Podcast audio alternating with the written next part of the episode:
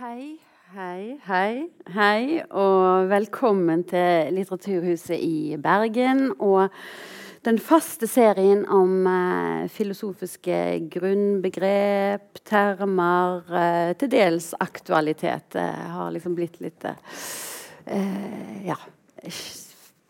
Eh, og i dag så skal vi altså eh, konsentrere oss om hva vi snakker om når vi snakker om moralisme. Eh, moralisme og moralisering er i dag eh, i utgangspunktet ganske negativt lada ord. Den som moraliserer, blander seg inn i andres liv på en eh, klandreverdig måte og feller en moralsk dom over handlingene deres. Vi skal likevel diskutere og kanskje òg krangle litt om eh, eller være uenige om det er verdt å spørre om moralisme fortjener det dårlige ryktet sitt. Går det egentlig an å skille mellom moral og moralisme? Er det ikke somme ganger greit å blande seg inn med hva andre gjør? Og er det eventuelt somme ganger galt å la være? Kan moralisering ha en viktig samfunnsverdi når det medvirker til endringer av moralsk problematiske handlingsvalg? Men kan, hvordan skal moralisten i så fall fremme moralsk kritikk på en konstruktiv måte?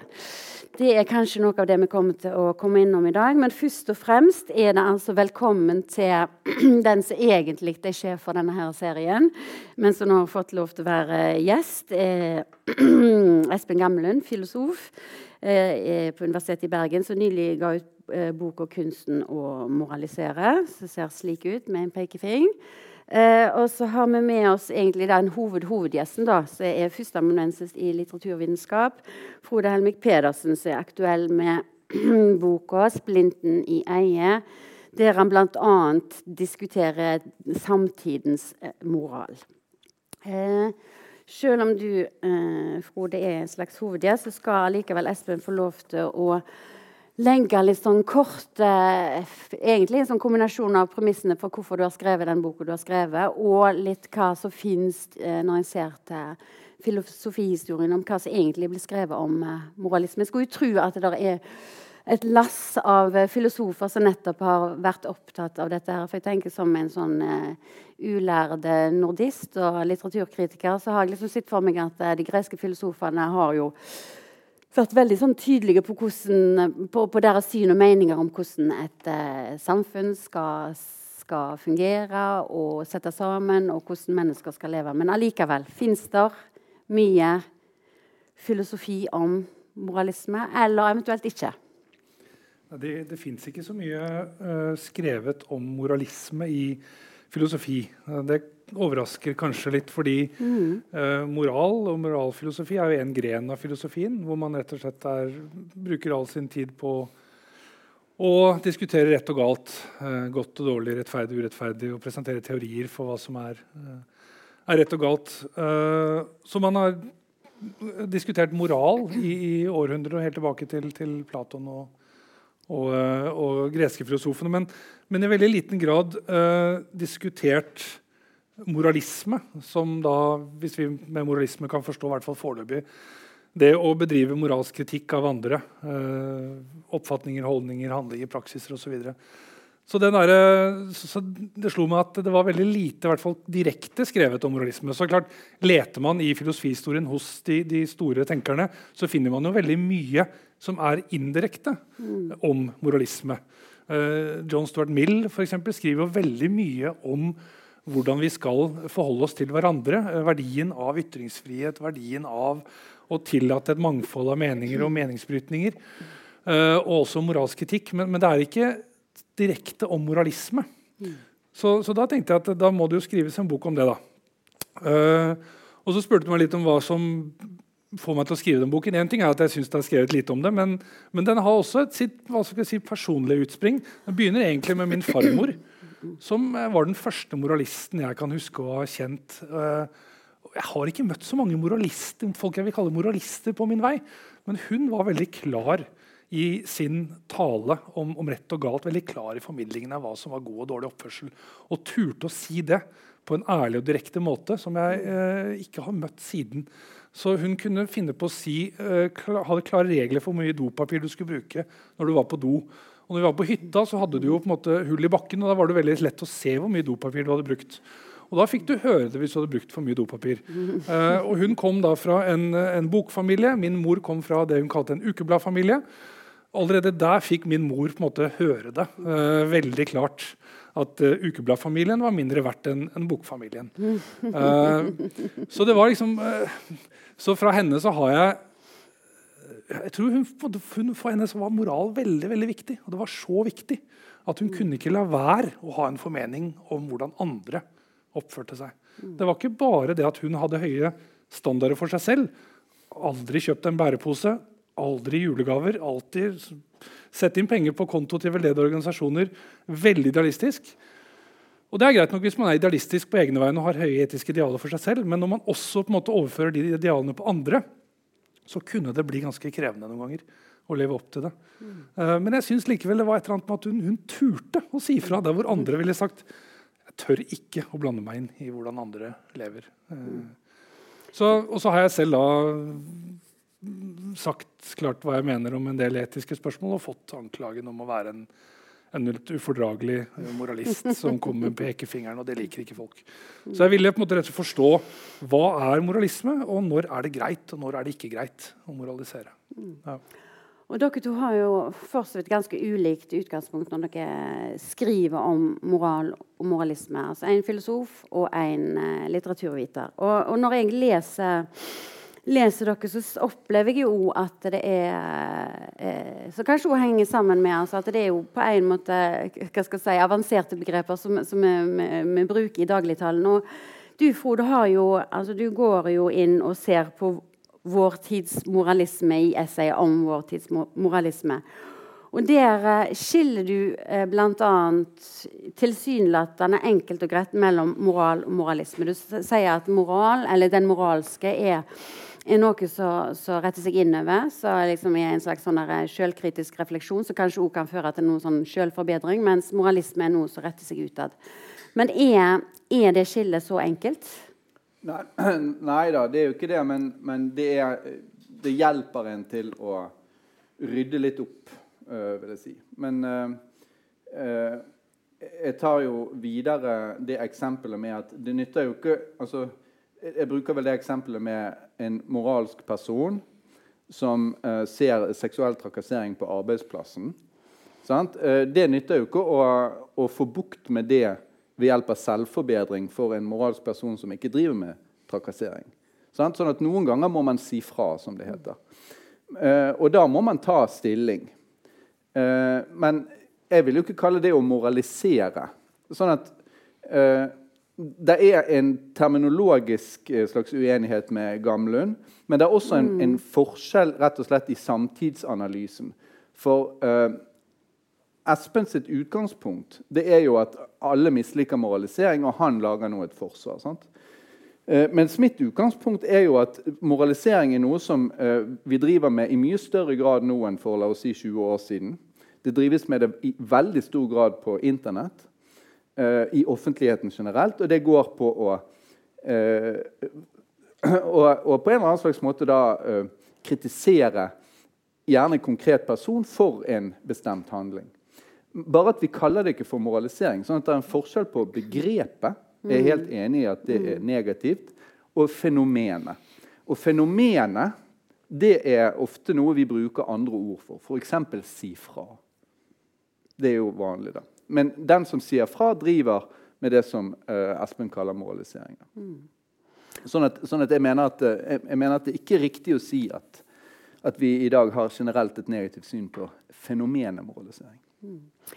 Så det vil si at dere er ganske sånn ulike i altså Du etterlyser jo egentlig mer eh, moralisme, mens du eh, Frode, mener at det har inntatt en, eh, det offentlige ordskiftet i større grad enn det har gjort på, på lenge? Ja, hva tenker du om det, Espen? Jo, Det er vel kanskje litt med hva som er konteksten for, for da moraliseringen eller moralske kritikken. at uh, En ting er å sitte på Internett og bedrive moralsk kritikk. En annen ting er å konfrontere noen uh, ansikt til ansikt med at de gjør noe galt. Så i, i de nære uh, i de konfrontasjonene ansikt til ansikt så er min oppfatning at vi er ganske konfliktskye. Moralsk konfliktskye. At vi har litt berøringsangst med det å konfrontere hverandre med at vi gjør noe, noe galt. Men at det er lett å sitte og, og skrive kritiske merknader om andre mennesker på, på foran PC-en. Uh, det er jo Det kan jeg for være enig i. Det er jo enkelt. Og det har med sosiale medier har det blitt fått større mm. utbredelse. Um, så men det er interessant Hvis du gjør et søk på A-tekst, som er en sånn database hvor du får opp alle nyhetssakene i, i Norge Du kan avgrense på, på tid og, og, og sjangre osv.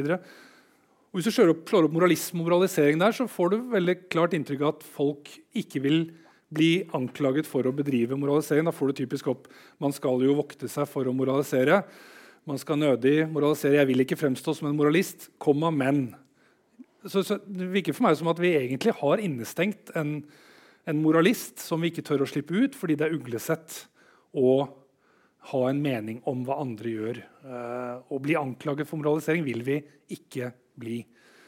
Så eh, det kan godt hende at det, er mer utbredt med moralisme i dag enn det vi kanskje liker å tro.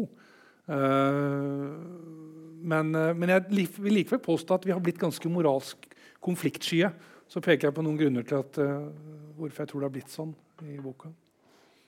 Ja, men kan jeg, få, kan jeg få be deg da på vegne av publikum om å ta noen av de eksemplene som du da bruker på din egen moralisering? dette er jo egentlig et forsvar for det. sant? Det er litt sånn nabokjerringoppførsel. Om jeg bedriver nabokjerringoppførsel? Ja, ja sant, det der med, med, folk som bryter reglene i borettslaget, som klipper eh, hekken eller hva det nå er, uten at de har spurt om lov. Uh, og en del sånne ting. Kan, du, kan, kan, ikke du forklare noen av de situasjonene der som du har lyst til å forsvare? Ja, altså et, et, utgangspunkt for en del av de eksemplene jeg diskuterer, er jo, er jo eh, borettslaget, eh, sameier, eh, steder hvor vi lever tett på hverandre. der er det jo ofte en lav terskel for å mene noe om hva andre gjør. typisk så har jo disse borettslagene Facebook-sider hvor du kan enkelt finne bilder av hundebæsj som ligger slengt. og Noen poster bilder av hundebæsj. Eh, hvem er det som har gjort dette, og skam deg, osv. Eh, eller, eh, eller på hytteforening hvor du har folk som har gått i skisporet, eller har på utelysene som ødelegger for, for nattehimmelen osv. Så, videre. så utgangspunktet mitt er kanskje litt sånn trivielle, dagligdagse moralske kontekster hvor vi lever tett på hverandre, hvor vi eh, bryter med normer og hvor jeg tenker at vi, eh, det er helt greit å si fra hvis det er noe moralsk relevant som står på spill. Uh, kutte trær, et eksempel. Naboen hadde kutta alle trærne foran rekkehusene jeg kom hjem fra ferie. Jeg tenker at Det er ikke moralsk helt trivielt. Uh, eller at bilen står mye på tomgang utenfor rekkehuset. Det er tett, og det er eksos. og det er, eh, Kanskje er det ikke veldig mye som står på spill, men likevel. Igjen, det er ikke helt moralsk helt nøytralt. Skal man si fra? Skal man ikke? Hvorfor skal man ikke si fra? Jo, man får kanskje eh, ødelegge naboskapet. Det er en god grunn til å la være å si fra. En annen grunn til å si fra er jo at man, dette er noe man bryr seg om. Det er viktig på en eller annen måte. Og så heter boka 'Kunsten å moralisere'. Med andre ord, det er, eh, det er, ikke alltid at du bør moralisere. Og du bør tenke deg om hvordan du gjør det. Det kan vi komme tilbake til. Men altså for å trekke det da opp fra det litt sånn tidvis trivielle til det litt mer sånn overordna altså, I boka så, så, sier du, eller hevder du, eh, ganske tydelig at, eh, at vi mennesker har en moralsk rett til å moralisere. Hva mener du egentlig med det? Ja, det mener jeg egentlig er helt åpenbart. Altså, hvis vi anerkjenner at vi har retten til eh, tankefrihet, retten til å tenke hva vi vil, og så har vi retten til å eh, ytre oss relativt fritt om det vi tenker, om godt og dårlig, rett og galt, rettferdig og urettferdig. Og da I forlengelsen av det så må det også være eh, en, eh, en, moralsk rett til å mene noe om hva andre gjør, hvis man mener at noen andre gjør noe galt. Så jeg mener at uh, En moralsk rett til å moralisere betydningen en rett til å ha en mening om og kritisere uh, andres oppfatninger, handlinger, holdninger, praksiser som man mener er moralsk problematiske. Ganske... For du prøver altså liksom å, å, å frisette moraliseringsbegrepet. Der. Altså, du refererer bl.a. til at i, i, engelsk så har du 'moralist' og så har du 'moralizer'. Og at uh, den moralisten er på en måte mer en sånn dest deskriptiv beskrivelse altså i ordbøkene av en som bedriver refleksjoner om moralske handlinger, mens den moralizer er mer en uh, ja, jeg var, jeg var, utøver. Jeg var mer skråsikker på at det skillet mellom moralist og moralizer var klarere på engelsk enn det det Jeg er blitt litt mer usikker på om det er så vanntett. Det virker for meg som engelsk, de engelskspråklige bruker de litt om hverandre, de også. Mm. Men, men uh, på norsk så har vi ikke tilsvarende skille. Det betyr at en moralist er en som i dag en, en som uh, blander seg inn i andres liv på en klanderverdig måte. Men hvis man går noen tiår tilbake i ordbøkene, så, så, var det ikke sånn at uh, moralisme, moralisere, moralist var så negativt, hadde den negative betydningen. En moralist var en som var opptatt av rett og galt. Å moralisere det var egentlig det å, å, tenke over, reflektere over, mene noe om, tenke på etiske, moralske spørsmål. Og Det er jo litt interessant igjen da, å se hvordan, altså, For du, du påpeker i boka da, at det egentlig altså den moralisten har gått fra å være en litt sånn nøytral uh, skikkelse og en, fins en nøytral beskrivelse til at den er blitt negativ, mens du da, uten at det er en motsetning, da mener at det blir mer og mer moralisme. Ja, men husk at det kommer også fra litteraturen. Litteraturen har alltid vært en fiende av moral, på sett og vis. Eller kanskje, kanskje heller vice versa. Litteraturen har alltid hatt problemer med moralister. De har stengt teatrene, og de har eh, sensurert bøker, og de har holdt på, buret folk inne, kappet hoder de, satt de på bålet. Sant? Så For litteraturens eh, ståsted så er moralistene noe man skal vokte seg for. Fordi at de eh, har en tendens til å ville, ville styre alt, og de er alltid de er, de er alltid helt sikre på at det de gjør, er veldig bra og godt. Eh, eh, og, og, og, så fører det til at vi får sensur, og at vi får, eh, vi får straffeforfølgelse av ting som ikke bør straffeforfølges. etter mitt syn. Så jeg er jo da mer for uh, frihet. Men, uh, men samtidig så, uh, så, er det jo klart at litteraturen må jo også forholde seg til moral. Sant? Så det er ikke så enkelt. Det, dette er jo bare en tradisjon. Mm. Sånn at Poenget der var jo at jeg var, opplevde da rundt 2000 Jeg mener at dette har forandret seg nemlig ganske sånn mye i det siste. Rundt 2000 da holdt jeg et foredrag om moral i litteraturen på et, en konferanse etter Litteraturvitenskap nå. Jeg var ung mann. 2004 sikkert var det. Uh, og da var hele den der 68-generasjonen var der. De var jo ironikere og postmodernister. og sånn. Uh, og de mente det var helt forferdelig. Altså, min veileder reiste seg og sa sånn jeg var uenig i alt du sa i kveld. eh, For de ville ikke ha det der med moral i det hele tatt. Det var en ganske mild eh, en ganske mild egentlig, eh, innføring av moralkategorien i litteraturanalysen. Sånn at, at det rett og slett fins veldig gode dikt for eksempel, som tar klar stilling. Til og med Emily Dickinson. Det var det de ble forbanna for. Eh, og, og, det mente jeg måtte være helt greit. Eh, men så plutselig så, opp, så, opplevde jeg på et eller, annet, et eller, annet, sted rundt 2015 og videre at det var gått for vidt. Eh, at det ble hele tiden at, at litteraturen ble angrepet på sånn moralistisk vis på en måte som jeg ikke lenger kunne være med på. Uh, og Det handlet jo ofte om at, at, man ville fjerne bøker fra pensum. Eller at det her bør vi ikke undervise i, for her er det problematiske holdninger. Oh, I en norsk kontekst. for En har jo litt lett for å tenke at dette her er en sånn slags amerikansk uh, påvirkning med kanselleringskultur, identitetspolitikk ja, men, uh, og i det hele tatt en, Ja, vi, ja vi, vi, har ikke fått noen pålegg sånn med hensyn til pensum. men den type diskusjoner oppstår fordi at studentene kan være opptatt av det. Mm, sant? Mm. Eh, og, og, studentene gjerne tar det opp. Eh, og, og derfor, så mener jeg at, eh, derfor så mener jeg at det er grunn til å ja, kanskje roe litt ned. Da.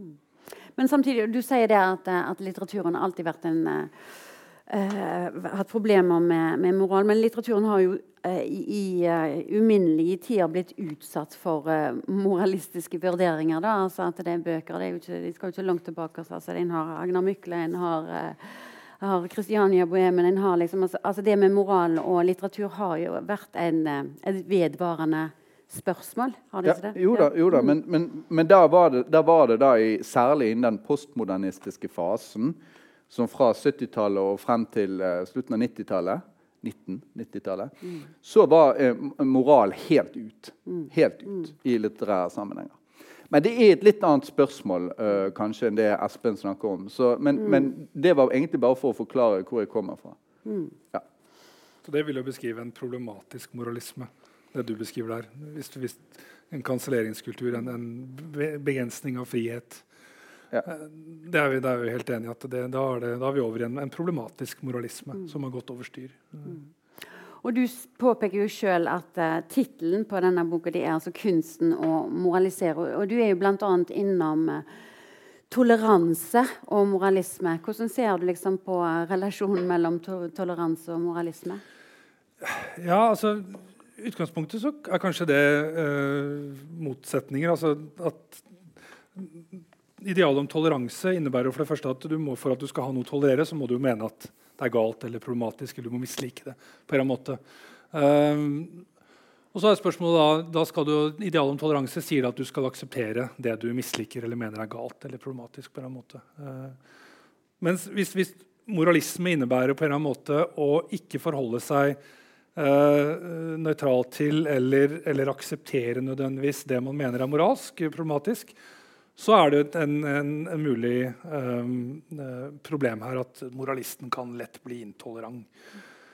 Men det tenker jeg, det trenger man jo ikke å bli. Man, men, men den, jeg, jeg, kjenner litt på den, den balansegangen kan være vanskelig i, i mm. dagliglivet. Idealet om toleranse sier skal ikke uh, uh, gripe inn. Altså, forutsetter også toleranse at du faktisk har muligheten til å forhindre det du misliker. eller mener er galt. Hvis ikke du har muligheten til å forhindre det, uh, så kan du ikke tolerere noe. Ikke så, mm. så, Det eksempelet jeg bruker i boka, er jo med, med, jeg spiser ikke kjøtt, min samboer spiser kjøtt. Veldig sånn igjen trivielle eksempler, men likevel, det får fram hvor problematisk det kan være. Mm. Hun mener at våre barn skal spise kjøtt, jeg mener at våre barn ikke skal spise kjøtt. Så jeg må tolerere at hun min samboer spiser kjøtt. Jeg må kanskje også tolerere at hun serverer våre barn kjøtt. Men i det praktiske så må jeg også servere våre barn kjøtt. for det er ikke noe praktisk vei utenom det. Jeg må også betale for kjøttet. Så, så det er et eller annet på at du blir vevd inn i noe du mener er galt, og så skal du være tolerant. Eh, så da, blir det liksom, da må jeg legge lokk på Moralisme har ingen plass her. Den må jeg på en måte legge lokk på kan ikke drive og kritisere uh, innad i familien. på den måten. Så det vi kan gjøre, er å ha åpne diskusjoner om hva vi mener er rett og galt. Og det har vi jo. og det er greit. Så jeg tenker at uh, Moralismen må ikke bikke over i intoleranse. Men samtidig så må da den tolerante også få lov til å være en moralsk kritiker. Uh, akkurat Hvordan du balanserer de to hensynene i en konkret situasjon, det kan være vanskelig. Ja, for jeg lurer litt på, altså, Nå skriver du ikke så mye om, eh, om eh, denne farmoren eh, som inspirerte deg til Eller som var liksom den første ekte moralisten i livet ditt. Om hun hadde noe som helst toleranse overfor det hun da prøvde å korrigere. Det var vel kanskje stor sannsynlighet for at du ønsket liksom, å få dem til å ja, endre, endre mening eller endre atferd eller endre ståsted å komme på hennes side. Ja. Så du kanskje òg innerst inne har lyst med, med din kjøttspisende kone og dine kjøttspisende barn? jeg har ikke lyst til å bedrive moralsk indoktrinering. Altså, jeg har ikke det. Men det er klart, i det daglige og i familielivet så er jo ikke moral altså, Moral er i større eller mindre grad viktig for deg. For meg er det kanskje litt med, og jeg er over gjennomsnittlig opptatt av disse tingene. Og jeg er ikke villig til å gå akkord med alle mine etiske idealer, men jeg må gå på akkord med en god del. Fordi vi lever i en familie, og vi må må akseptere at vi har forskjellige oppfatninger og, og, mm. og praksiser. Uh, så det kan være smertefullt, på en måte, og det gjør jo vondt uh, å måtte tolerere. Samtidig som det også gjør vondt å bli tolerert, for da mener jo noen andre at du har gjort noe gærent. Så det å være gjenstand for toleranse er heller ikke noe behagelig.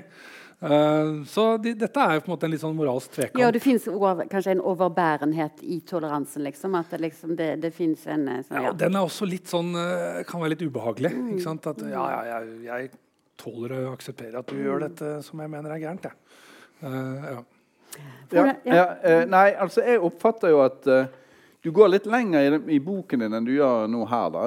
Kanskje at du skjønner at du har et litt upopulært ståsted. fordi I boken så virker det som du gjerne du forbeholder deg retten til å drive med moralsk kritikk av ikke bare folk som spiser kjøtt, men også hvordan folk har, ligger med hverandre. Ekte folk, til og med, vil du blande deg opp i.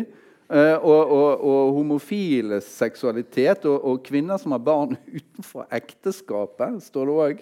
Jeg vet ikke helt hva ja. Og, og så videre og så videre. Og så, videre. så det er ganske mye da, uh, som du, du har, mener at nei, det må folk akseptere. At der uh, kommer du og, kritiserer. Ja, nå, de eksemplene du nå nevner, er ikke eksempler på på typer av moralisering jeg har bedrevet. Men det er et eksempel på moralisering jeg mener kan være akseptabelt. Jeg kan ikke komme Så det er viktig å skille. Jeg har ikke blandet meg opp i folks, ikke blandet meg opp i folks sexliv.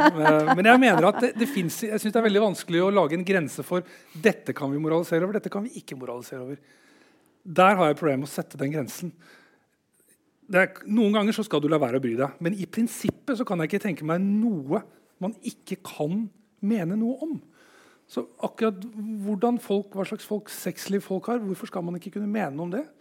Det er ikke sikkert man burde mene noe om det. Man kanskje har veldig gode grunner til å la være. Men jeg ser ikke noe, hvis, hvis, noen, hvis en, en, kristen konservativ mener at bestemte former for seksuell omgang er syndig eller problematisk, så kan jeg ikke skjønne hvorfor ikke vedkommende skulle få lov å mene det, kunne ytre seg om det, og at man da må, må svare på det med som best man kan. Du mener jo noe om det du, Frode? Ja, men altså, jeg, ser, jeg, jeg, skjønner ikke helt hvilket fora Jeg ser ikke helt for meg situasjonen. Uh, om hvordan liksom, en kristen fundamentalist mener noe om mitt uh, soveromsaktivitet. Men, uh, men det, som, det som er, jeg, tror er en slags grunnleggende uenighet, ut fra sånn som jeg forstår boken Men det kan du få korrigere det er jo det at eh, Du vil gjerne ha moralister som går rundt sånn som jeg oppfatter det. Eller som i, fall, i prinsippet skal kunne gå rundt og si det. Nei, nei, nei, nei, nei, nei, nei. slutt med det. og Ikke gjør sånn. Ikke si det. Eh, videre.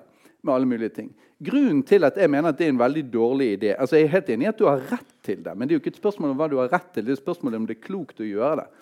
Eh, nei, Det mener jeg er uklokt. Og Grunnen til det er at eh, menneskelivet er moralsk sett uoversiktlig. Det betyr at vi hver eneste dag foretar valg som har en moralsk valør, som har negativ effekt på alle mulige slags ting i samfunnet eh, og for verden. Eh, og Det betyr at ingen av oss er moralsk uklanderlige. Vi er moralsk korrupte, på en måte. Eh, og det, det fins ingen mulighet til å unngå, som du var inne på i sted. Dermed så blir det veldig sånn selektivt hvis du har en eh, moralist som er veldig opptatt av akkurat dette med kjøtt, sant? og som, som, mener at det er så viktig, og som og driver og tyter om det hele tiden, sant? så er jo det bare eh, altså det er jo helt tilfeldig. Så kunne jeg sagt til deg men du har en iPhone. Vet du hvor mange eh, eh folk som ble drept i Øst-Kongo fordi at du skal gå rundt med den der iPhonen din? Eh, og, og, du kjøper gjerne en ny en. sant? Eh, så Så sånn at det fins ingen grenser for hvor dette stopper. Hvis du først skal moralisere eh, over alt som er klanderverdig, sant? og du lager eh, fine begrunnelser Men det fins for hver av oss sikkert fem-ti ting hver eneste dag som du kunne laget et begrunnet klander for. Dermed, for Du mener jo rett og slett at moralisten er litt både umettelig og ustoppelig? At Hvis du først har begynt på det kjøret, så er det ja, det, det skriver du iallfall. ja, det, ja, ja, det er et eller annet med det at det mm. slutter aldri. Sant? Fordi at det fins ikke noe moralsk uklanderlig liv. Og da blir det et problem. Da får du, Hvis den visjonen, han som jeg opplever den, med at alle skal drive på med moralsk kritikk av hverandre hele tiden, så får vi et veldig veldig mye konflikt, unødig mye konflikt i samfunnet. Det som hadde vært mye bedre, var jo hvis folk prøvde å leve moralske liv. Og, og, Det problemet jeg ofte har med moralfilosofer, det er det at de tror at det er veldig veldig viktig å tenke moralsk og lage moralske begrunnelser. og sånn. Det er ikke det som er viktig. Det som er viktig, er å leve moralsk. Og det er tusen ganger vanskeligere enn å koke i hop noen moralske prinsipper. Sånn at eh, Dermed så mener jeg jo faktisk det at det å prøve å leve moralsk er mye mye viktigere enn å drive og si at andre ikke lever moralsk. Det er jeg helt enig i, men jeg har nå engang jobben min. Så må jeg si opp jobben min. Nei, men Jeg lurer litt på hva som, altså jeg er helt enig med Vi er moralsk korrupte i den forstand at vi, vi, alle, vi, gjør alle noe gærent uh, hver eneste dag. Og, og er, uh, Verden er full av, av uh, elendighet, og, og det, er, det, er liksom, det, det, er, umettelig på en måte. Men jeg lurer på hva som følger av det. Følger det av det at vi at vi ikke skal moralisere i det hele tatt fordi vi selv er moralsk korrupte og fordi vi selv alltid kan gjøre noe gærent? Eller følger det heller av det at vi kan heller forsøke å forbedre oss moralsk? Uh, så Hvis du opplyser meg om hvordan iPhonen min er blitt, behandlet, er blitt produsert, så lærer jeg kanskje noe nytt, og så kan jeg ta stilling til om uh, Kanskje dette er noe jeg burde, burde tenke gjennom. Så, så jeg, jeg, tror jeg, jeg vil unngå måte, den der belæringen. Det tenker jeg vi må unngå for enhver pris. Det er, ingen, det er, ikke noe hyggelig å bli gjenstand for belæring. Uh, og vi er heller, heller ikke Det har veldig sjelden god effekt. Da. Det er jo liksom som å vekke opp ei ja. tenåringen i ethvert ja. voksent menneske. At en stritter jo når noen kommer og Så, ja, så det, jeg skulle, det, jeg ønsker meg egentlig at vi blir liksom flinkere til å snakke om moralske spørsmål. Diskutere det med lave skuldre og innestemme. Det tenker jeg, men det, Da kan man forestå en refleksjon. For jeg, selv om jeg har dette som jobb, så det, lærer jeg stadig noe nytt. Og oppdager etiske spørsmål jeg ikke har tenkt på. Da tenker jeg, ja, Det er viktig at jeg tenker på det. Uh, fordi det har nettopp det du etterlyser, praktisk betydning for hvordan vi lever vårt liv. Vi vil leve mer moralske liv. Fordi uh, umoralske valg og liv har konsekvenser for andre. Så, ja. så det, det, er jo jeg vil ikke liksom være med på denne patologiske moralisten som jeg kaller det, som vi ofte tegner et bilde av som en som driver feilsøking hos andre hele tiden, og som er en som er uh, perfekt, og som aldri gjør noe gærent, og som, som for enhver pris i hvert fall ikke er hykler. Altså, Den patologiske moralisten fins neppe. Ikke sant? Men det fins belærende mennesker, og min farmor var nok uh, i overkant belærende, og det var ubehagelig å være gjenstand for. Jeg vil ikke være en sånn person. Men jeg mener likevel at det faktum at vi er moralsk korrupte, det tilsier bare at vi bør bli flinkere til å ta opp med hverandre uh, ubehagelige moralske uh, handlingsvalg. Ja, men Ta, ta den der uh, fuglekikkingen din. Da, for Du sier jo det at du driver på med fuglekikking. Det er en utmerket hobby. og, så, og så mener du at den er moralsk nøytral. Der, der, kommer det ingen moral inn i det hele tatt. Sånn at Når du har en venn da som Jeg vet ikke om det er fiktivt, eller hva det er. Det er fiktivt. Ja, ja. Så en, en venn som sier det, men du, må ikke holde på med denne fuglekikkingen. Du finner noe mer eh, viktig å holde på med. som er moralsk høyverdig. Og så sier du det er ikke legitim kritikk. Men, men, men mitt poeng er bare at det er ikke noe sånn at fuglekikking er moralsk nøytralt. Eh, eh, og da mener jeg, altså Det er to ting. Det ene er at Hvis du driver på med fuglekikking, så kjøper du deg kanskje en kikkert. Du tar kanskje bussen. Eh, ut til en eller annen skau, eller du tar en båt, eller du kanskje til og med fly til Nord-Norge. Eh, eller helt til Finnmark for å se på, på de der, der eh, Jeg vet hva jeg mener. Nordens papegøye. eh, sant? Og, og, så videre. Sånn at eh, de, det, jeg syns, du, jeg syns der, gikk, der, gikk, du for langt i å si det at nei, det, det har ikke noe med moral å gjøre om du driver på med fuglekikking. Jo, det har det òg. Eh, men det er to, to, måter. Det ene er at det kost, krever energi, det du driver på med. Du må kjøpe ting. Kanskje en ny bukse med litt sånn sant, friluftsklær. Det burde du ikke gjøre. Sant? Kjøpe så mye bukser. Du klarer det fint med den buksen du har. Eh, men, men eh, og så i tillegg det som din fiktive venn da tok opp, det var jo det at jo, men du kunne jo brukt tiden på noe mer moralsk høyverdig. Og det avviser du da. Men hvorfor, hvorfor, hvorfor, hvorfor, skal man avvise det? Jeg mener, vi, eh, Mengden av moralsk riktige handlinger som vi hver dag unnlater å gjøre, er jo enorm. sant? Hvis du kunne hjelpe folk istedenfor å sitte der ute i skogen og se på tipper, så, så, er jo det et moralsk Hvorfor ikke det et moralsk spørsmål? Jeg tror at uh, altså Det er noen som er moralsk perfeksjonister, som mener at vi, det ikke kommer et punkt hvor vi liksom har strukket oss langt nok for å gjøre verden til et bedre sted. Jeg tror nok vi må ha jeg tror nok det kommer et punkt hvor vi kan måte, senke skuldrene og si at nå må vi ha eh, tillatelse til å prioritere oss selv, og at ikke alle valg vi gjør, er moralske valg. Og Fuglekikking var da et forsøk på å komme på ett eksempel som ikke er moralsk eh, ladet. At, at, valg av hobby tenkte jeg det må da være moralsk nøytralt. Men så er jo selvfølgelig Hva tror du teologene sier om dette? her? Men hvis du, hvis du, erstatter, kik, hvis du erstatter kikkerten med en gevær og begynner å kikke gjennom den for å sikte på dyr og skyte dem, da var mitt poeng at da er det ikke moralsk nøytralt lenger, for da tar du liv. Men den som bruker tiden sin på å kikke på, på, fugler i skogen uh, det må være et eksempel på noe som, som jo, ikke men den kikkerten kan jo være produsert under ja, forferdelige forhold i Kina. og folk som sitter i en ja. konsentrasjonsleir. Sånn at, uh, sånn at, det der har man jo ikke oversikt Og jeg er helt enig, vi må slå av. Vi, nødt må slå av moralen noen ganger. Ja, vi, må vi må bare slå av, og så må vi fokusere på det som er viktig. Det som er verdt å kjempe for. Og, og, og, det får man bruke tiden for, så må man være fornøyd med det. Og da tror jeg det er litt bedre å satse på strukturelle beslutninger som har større betydning enn at en eller annen eh, bryter reglene for parkering foran Boss-containerne i borettslaget. Tror man, Det kan vel diskuteres hva som er viktig og viktigst, selvfølgelig. Uh, Men Frode, du er jo, altså det, nå var Espen du innom det at det er en sånn patologisering av moralisten. Og du er jo absolutt inne på så sykeligere. Du skriver bl.a. med Uh, at det i utgangspunktet moralisten uh, det handler egentlig bare om den moralistens egne skavanker. Der du bl.a. siterer en fransk moralist, altså La Rochefoucauld. Sitat, at våre dyder ofte bare er forkledd som laster. Og Nei, forkledde laster. Ja, forkledde laster. Ja, ja. Og uansett hva moralismen retter seg mot, så tenderer den mot å frikjenne moralisten selv. Ja, men det var jo ikke, var jo ikke konkret, en konkret moralist. Hvis det hadde vært en konkret moralist, en person så måtte, nei, nei, det er jo, jo jeg, sånn dette, er jo for å, ja, ja. dette er for å lage en distinksjon mm. Hvor, hvor, eh, moralisten er entydig negativ. Det, det, er rett og slett for å, for å slett mm. gjøre, gjøre, det tydeligere. Men ser du på moralisten sånn helt entydig negativt? Sånn som så det liksom ut ifra de sitatene her så, så tenderer ja, mot det? Ja, det, Men det er et terminologisk spørsmål. Altså, det er jo bare hva vi skal mene med de forskjellige ordene. Så jeg, ikke, jeg mener jo ikke at uh, Espen er, at med sin person fordi man sier fra om, eh, om, om, denne parkeringen eller, eller noe sånt. Sant? Men poenget, og, og, og, som jeg var inne på, så, selvfølgelig så må den moralske personen også si fra på et eller annet tidspunkt.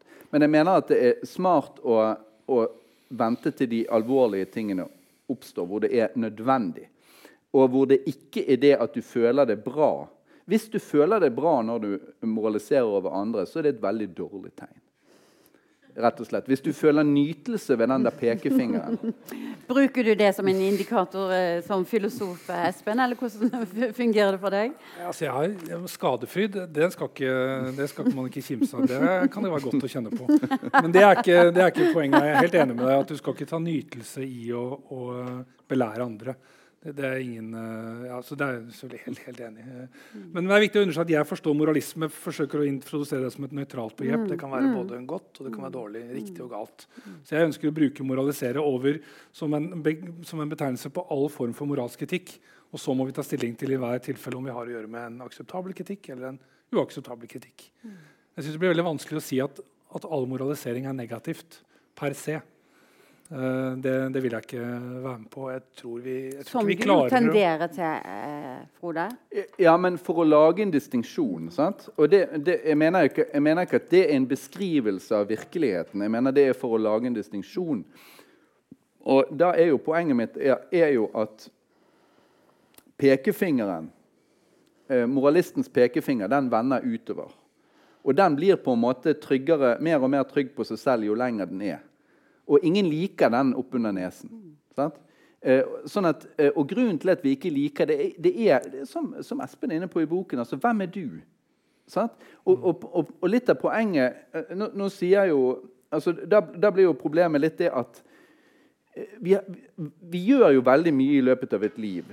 Og noe er bra, og noe er dårlig. Og hvis du møter et menneske i én situasjon og refser fordi at for en, en overtredelse som ikke er spesielt stor, så kan jo det være et menneske som, som ellers gjør veldig veldig mye bra. Og da jo det, blir jo det urettferdig. sant?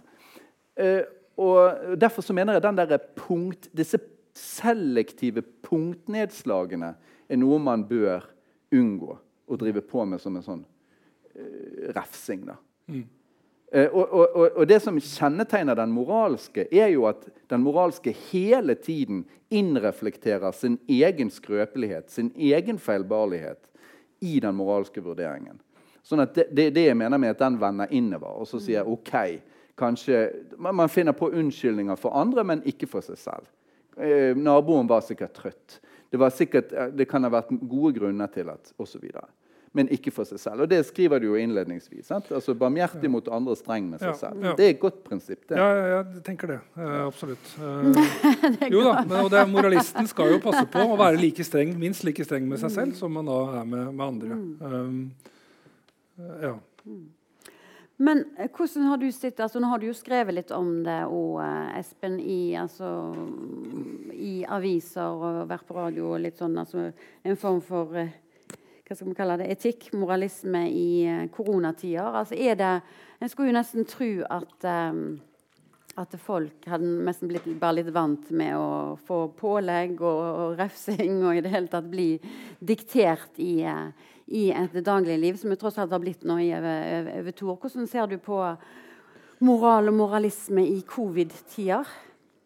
Nei, jeg, jeg, tror at uh, pandemien har vekket uh, til live den, den, den uh, sovende moralisten i oss. Så nabokjerringa har på en måte kommet fram igjen. Det så vi ganske tidlig i våren 2020, hvor eh, folk eh, flokket seg for tett sammen. og Det ble store nyhetsoppslag, og politikere levde ikke i tråd med de retningslinjene og reglene de, de lagde. Og jeg ble nedringt av journalister som ville ha min mening om om alle disse nyhetsoppslagene. Da. og man merket jo selv at de, det som tidligere var en privatsak, uh, om du har vasket hendene dine, hvordan du beveger deg, uh, om du drar på hytta eller hva du altså, Alt dette har vært måte, beskyttet av privatlivets fred. Det ble da gjenstand for andres vurderinger og, og dommer. Og, og, ganske berettiget sådan, fordi det ble plutselig viktig hvordan vi levde våre liv, fordi vi kunne risikere å smitte hverandre, og det hadde potensielt fatalt utfall. Slik at vi, I pandemien har det stått mye på spill, tilsynelatende. Og det har gjort at vi har senket skuldrene for å si fra. Uh, men, men, på gode og dårlige måter. vel å merke. Det er ikke all moralisme i pandemien som har vært av den gode. Og den særlig de siste par månedene med uh, polariseringen mellom vaksinerte og uvaksinerte er et veldig godt eksempel på at moralismen har løpt løpsk. Uh, og det har gått galt av sted. Og det har veldig, veldig negative konsekvenser. Hvordan ser du på det? Ja, altså, jeg, opplevde, jeg, opplevde, det der ganske kjapt også som eh, negativt i pandemien. Sånn at når, eh, når, den moralisten i oss alle ble vekket, så syns jeg ikke det at det var et spesielt vakkert syn. Eh, med kjefting på unger nede på, på fotballbanen osv. Fordi at de var for tett. Ja, altså mye sånn. Uh, og da tenker jeg litt på det der med at uh, Eh, den psykologiske altså, I pandemien så var det nok en god del genuin frykt inne i bildet. Folk var redde, og, folk, øh, og derfor så øh, drev man med denne moraliseringen. Og så var det også et litt uklart kunnskapsgrunnlag. Man ble forbanna på folk som jogget. På, Fordi at de som jogget, der var det svette, og, og det, ting kunne skje og ble ropt etter. Eh, og alt mulig sånn som det der. Så det, det, det var et jeg, jeg syns ikke det var noen god situasjon. Jeg synes ikke det var, Hvis jeg skulle følge argumentasjonen her, at å, endelig Kom, endelig kommer moralistene frem. Så, sånn at jeg syns kanskje at, at, det var eh, et, et, et, en bekreftelse på mitt syn om at at det er best hvis, hvis, folk holder en del av de der, den moralske kritikken for seg selv. Men det, for jeg har jo vært litt opptatt av i den boken òg av den psykologiske mekanismen som jeg var inne på i sted? Eh, eh, Montaigne, eh, en annen moralist som også Espen skriver om, litt, iallfall. Han skriver noe sånn som at hundre ganger om dagen når vi håner vår nabo, håner vi i virkeligheten oss selv. Vi avskyr hos andre de feilene vi selv i størst grad besitter, og forbauses over dem med en fabelaktig mangel på skam og selvinnsikt. Så jeg, jeg, mistenker jo alltid at disse her moralistene som er veldig forbanna for et eller annet, at de i særlig stor grad er skyldige i det samme selv. Sånn at jeg er nok litt uh, tilbøyelig til å se det hykleriet. Og grunnen til det er jo at du får en god følelse når du, særlig hvis du gjør det offentlig, fordømmer andre fordi at du da frikjenner deg selv per implikasjon. Han som er så streng, eller hun som er så streng, hun har sikkert alt på stell. Hva tenker du om det? Er det en frikjenning i uh, moralistens aktiviteter? Jeg syns det, det, er veldig ubehagelig å konfrontere andre med uh, at jeg mener at de gjør noe gærent. Og Det tror jeg veldig mange kjenner på også, og det er derfor man ikke sier fra så ofte som man kanskje har lyst til. For man er feig. Man tør ikke å si fra. Så jeg er litt usikker på den, hvor treffsikker den diagnosen er. At vi, vi liksom øh, syns det er behagelig å, å, påpeke feil hos andre, og at det bekrefter vår egen ufeilbarlighet. Jeg opplever det ikke sånn. Altså. Jeg synes ja, det er du veldig... skriver eller en eller annen, punkterer en eller annen plass at du, uh, du, stiller, du stiller iallfall spørsmålstegn ved om uh, altså at en type manglende moralisering er det eventuelt synonymt med å være feig eller naiv eller likegyldig eller ja. Ja, så jeg beskriver jo et sånt, uh, Derfor det heter kunsten å moralisere. fordi du skal da treffe balansegangen mellom manglende moralisering, som er da en, en konfliktskyhet, en feighet, hvor man, likegyldighet, hvor man ikke tør eller vil eller kan si fra om noe som helst. Og på den andre siden da en overdreven moralisering, hvor man bedriver feilsøking hos andre på en, på en klanderverdig måte. Så man må måtte treffe balansegangen mellom de to uh, og blande seg akkurat passe inn på en god, fornuftig, konstruktiv måte. Og den gode moralisten som jeg skisserer, er en som ikke tar glede i å påpeke feil hos andre, men en som er genuint opptatt av rett og galt, og som syns det er en plikt uh, å, å, si fra. Men også tenke gjennom hvordan man formidler det budskapet. Mm. Uh, ja, men, men, da vil jeg jo si at det, den distinksjonen er jo ikke det like greit å si det at vi skal være moralske, men vi bør ikke være moralister. Det syns jeg egentlig er en mye mer funksjonell di di distinksjon. Sånn at, uh, å, å, være moralsk, da er det jo uh, ofte det når du da skal si fra eller virkelig liksom ta et standpunkt, så er det jo ofte det at det koster deg noe. sant? Uh, hvis du står i skolegården og er 13 år og ser en en i klassen bli mobbet av, no, av de kuleste i klassen Det å gå bort der til den som blir mobbet, og stille seg opp ved siden av den, det koster. Ja. Det, koster. det, er nesten ingen unger som kan gjøre det. sant? Og, og, når det koster så mye, så er det et, et eh, godt tegn. i den forstand at Det betyr at det er en handling som, uh, som du antagelig burde gjøre. Mm. Mens hvis det, hvis det, er veldig lett, hvis du sitter på din høye hest og, og pekefingeren kommer frem, og du føler det veldig bra, så er det kanskje et dårlig tegn. Ja, jeg tror, jeg tror ofte at vår, sinnelaget vårt, da, motivene våre, hensiktene våre, spiller en rolle i, i, vurderingen av handlingene våre. Så jeg er ingen konsekvensalist i den forstand at jeg mener at det er bare konsekvensen av det vi gjør, som betyr noe. Jeg mener også at helt klart karakteren vår og, og og sinnelaget vårt betyr noe. Uh, men bare for å ta et eksempel på hvordan man kan være konstruktiv. Da. dette er også et fiktivt eksempel. i den forstand at det er ikke mitt eksempel, men det er en kollega av meg som opplevde det på fotballbanen med, med guttungen uh, på en søndag for å spille litt. og Så det, kommer en annen far og sønn der. pappa setter seg ned med mobiltelefonen, og guttungen er overlatt til seg selv. Og Man ser at dette pågår lenge, og faren, sønnen søker pappas oppmerksomhet. får det ikke ned i telefonen kjenner et ubehag. ikke sant? Dette, dette er ikke riktig. Uh, skal man da si fra, eller skal man ikke si fra? Uh, man kan selvfølgelig bare tenke at det er ikke min sak, det er privatsak. det er... Uh, og så, og så kan det hende at man ikke vet hvorfor denne pappaen sitter i telefonen. Kanskje er det å organisere en begravelse, kanskje det er noe forferdelig som har skjedd. Og så men, jeg, jeg, men, men, man kan være kreativ. Man kan invitere denne gutten med på å spille med, spille med, med dere. Og man kan tenke litt kreativt. Så da kanskje er det ikke moralisering lenger. Kanskje er man da moralsk. Man, man gjør noe moralsk godt, beundringsverdig flott. Og gjennom det så vekker man kanskje til live denne pappaen uh, uten at man signaliserer kritikk. Så jeg tenker at Man kan være litt oppfinnsom i hvordan man håndterer litt sånn ubehagelige moralske situasjoner som det der, hvor man kanskje har lyst til å komme med pekefingeren, men hvor det åpenbart ikke er den beste måten å løse situasjonen på. Men hvor, det, men, men hvor det å ikke, men jeg tenker hvor det å ikke blande seg inn, ikke si noe overhodet er klanderverdig også. Hvis det er noe som er åpenbart moralsk problematisk, da er det også klanderverdig å ikke gjøre noe som helst. Ja, hva tenker du da? Er det moralsk klanderverdig å, altså, å, bry seg eller ikke bry seg om, om en sånn situasjon, Frode? Altså, den, det der toget der med de skjermene, det er gått for lenge siden. Da må jo vi gå til angrep på hele norsk skoleverk. Og det kan vi jo fint gjøre. Men det er jo det de sitter med hele dagen. Sånn at Hvis en eller annen far på en fotballtrening òg gjør det, så føler ikke jeg at det, det, er noe Du, hallo! Har du latt ungen din holde på med skjerm? Hva er det som feiler deg? Altså, Jeg er jo enig, og jeg er skyldig. Men, uh, uh, men altså Det toget er redd er godt, da. Men sånn at sånne ting som det der, det, det, der tror jeg du må jobbe politisk. rett og slett. Altså. Prøve, å, prøve rett og slett få fjernet de der skjermene fra skolen. Skrive kronikker og holde på.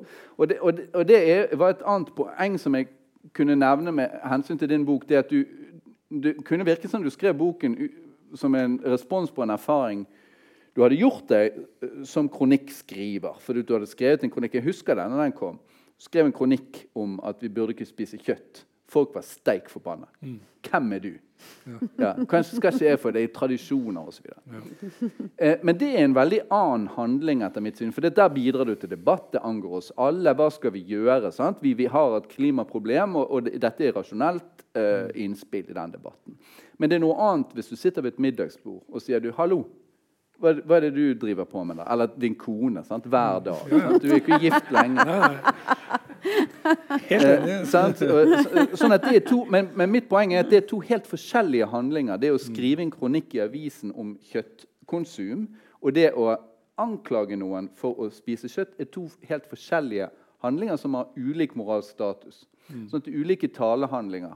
Hvis du eh, skriver den kronikken i BT, eller hvor den var, så er, det, så er det et bidrag til en debatt. Sant? Hvis du sier 'du, slutt å spise kjøtt', eller 'hvorfor spiser du kjøtt', det er klander.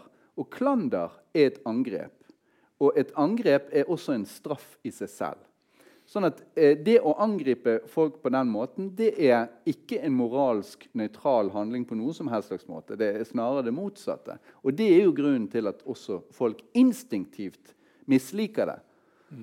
I motsetning kanskje litt til det du skriver. For du, du uh, forutsetter at folk har et rasjonelt grunnlag for å mislike det. Du, du at De mener ikke at du har rett. Det kan godt hende at de mener at du har rett til det.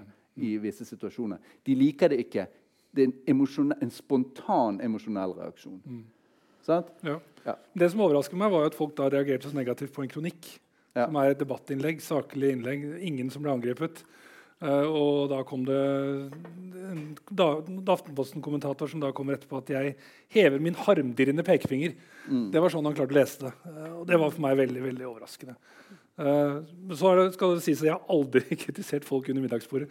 Og jeg bringer aldri opp spørsmål om kjøttspising ved middagsbordet. Det er andre som vil diskutere det med meg. Jeg vil helst ikke diskutere det, for det ødelegger noen ganger middagen. Så jeg, jeg tenker at Konteksten for kritikk er jo helt avgjørende her. Jeg går jo ikke hjem på døra og banker på folk og sier liksom, hva spiser du til middag.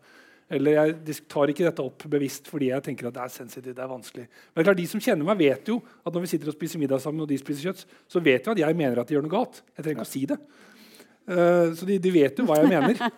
Så det ligger de jo, en- det ligger jo en slags uh, som Det er ikke noen pekefinger her, men de vet jo. Uh, og en del av de vet jo at det er galt selv, men det er viljesvakhet. Men, men Richard Wagner han mente jo at kjøttspising var galt. Så han hadde store bord hvor alle spiste vegetarisk, bortsett fra han selv, som kun spiste kjøtt.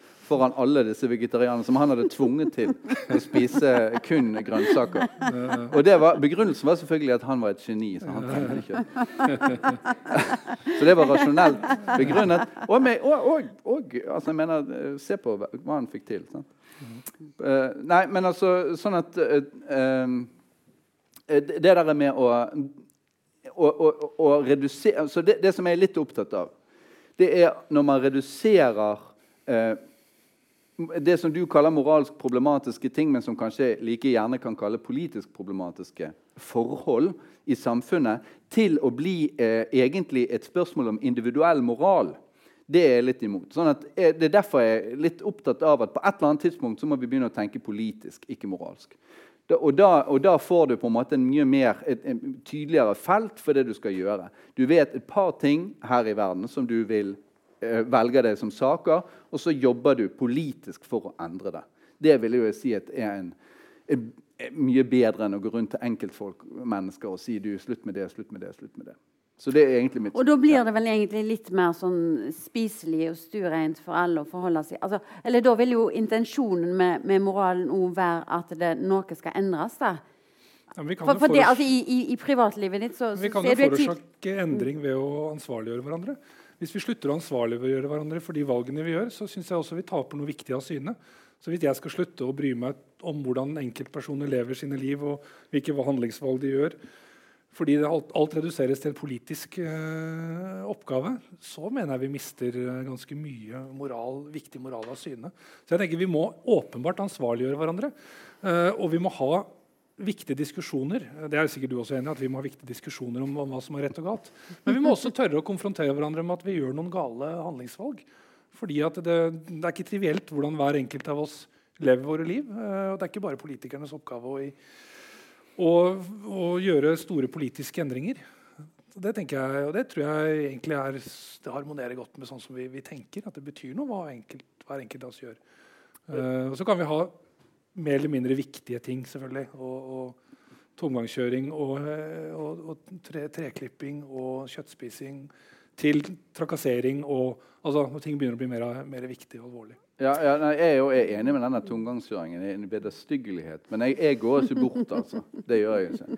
Og, men det, det, er litt av grunn, grunnen til at jeg ikke gjør det, er at jeg er redd for mitt eget raseri. Så jeg vil bare ikke åpne den. Jeg vil ikke åpne den Men altså, Frode, det du etterlyser i, i, et slags offentlig ordskifte, er jo en, altså det du skriver, er en letthet, der du bl.a. siterer Nietzsche og så, så, så, advarer mot å bli sånn dydige uhyrer eller moralistiske fugleskremsel. Og, ja. Hva mener du egentlig med den lettheten? Hva, hva type letthet er det du etterlyser eller vil ha? Ja, det er jo det at hvis du først, hvis du først eh, så å si blir eh, opptatt av moral i alt du gjør, så har, ten, så har livet en tendens til å bli ganske mørkt etter hvert. Og for alle rundt deg.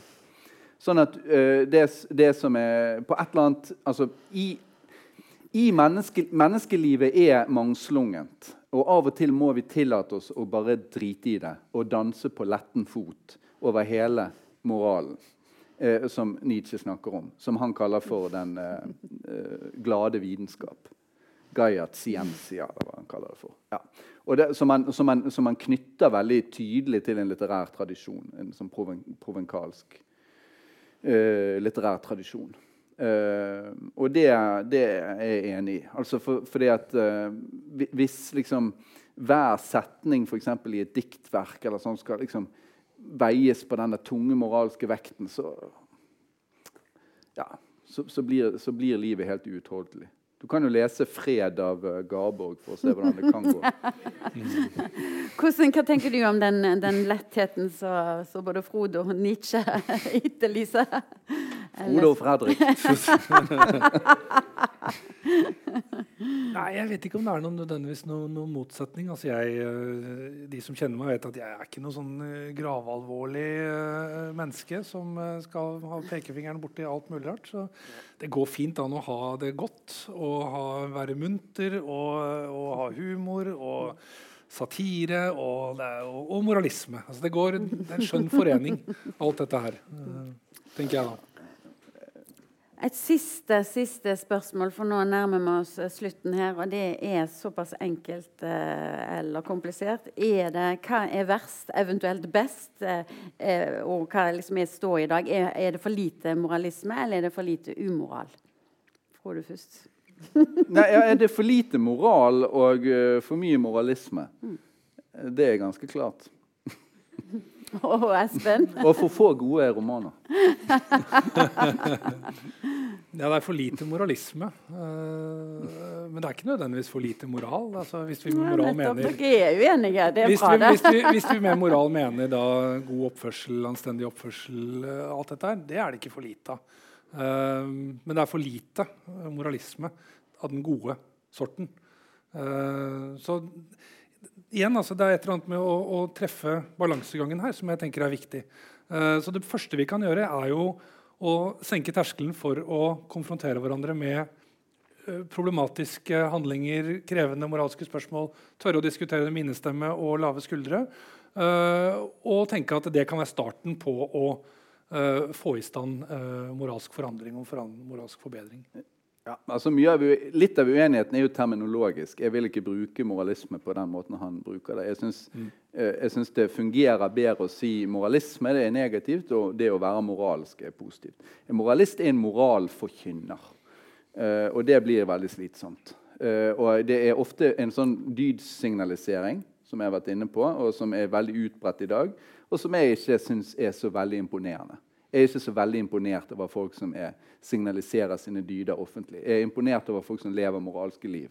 Eh, og I motsetning til eh, kanskje Espen, og i alle fall min gamle veileder som jeg refererte til i sted, eh, så mener jeg ikke faktisk at eh, folk flest lever moralsk høyverdige liv. Eh, det mente han. De aller fleste lever moralsk, eh, og, og, derfor så er det vi trenger, det moraltenkning. Jeg mener det er motsatt. Vi trenger mindre moraltenkning. Eller trenger, det er greit å drive med moraltenkning. Særlig, det skal ikke gjøre, det er greit det. Men det er ikke, det, det er på en måte ikke der det er ikke det, det som er problemet. Altså. Nei, nei, problemet er at folk, eh, folk, eh, folk, eh, ikke er moralske nok i livene sine. For det er mye vanskeligere enn å drive og proklamere moral i forskjellige sammenhenger. Ja, mitt syn. Ja takk, begge deler. Mer moralsk tenkning og moralsk praksis. Da tror jeg vi setter punktum for kunsten og, og altså rett og slett kunsten å moralisere og hva vi snakker om når vi snakker om moralisme. Håper at, eh, at dere har fått eh, noen fornuftige tanker om moral og moralisme med dere. Tusen takk til både Espen og Frode for å være delvis enige og høyst uenige. Og så bøkene, ja. Bøker, bøker. Kjøp, kjøp. De, og tenk. De, de finnes, kjøp og tenk. De fins her ute. Tusen takk for alle som kom. Mm. Det er godt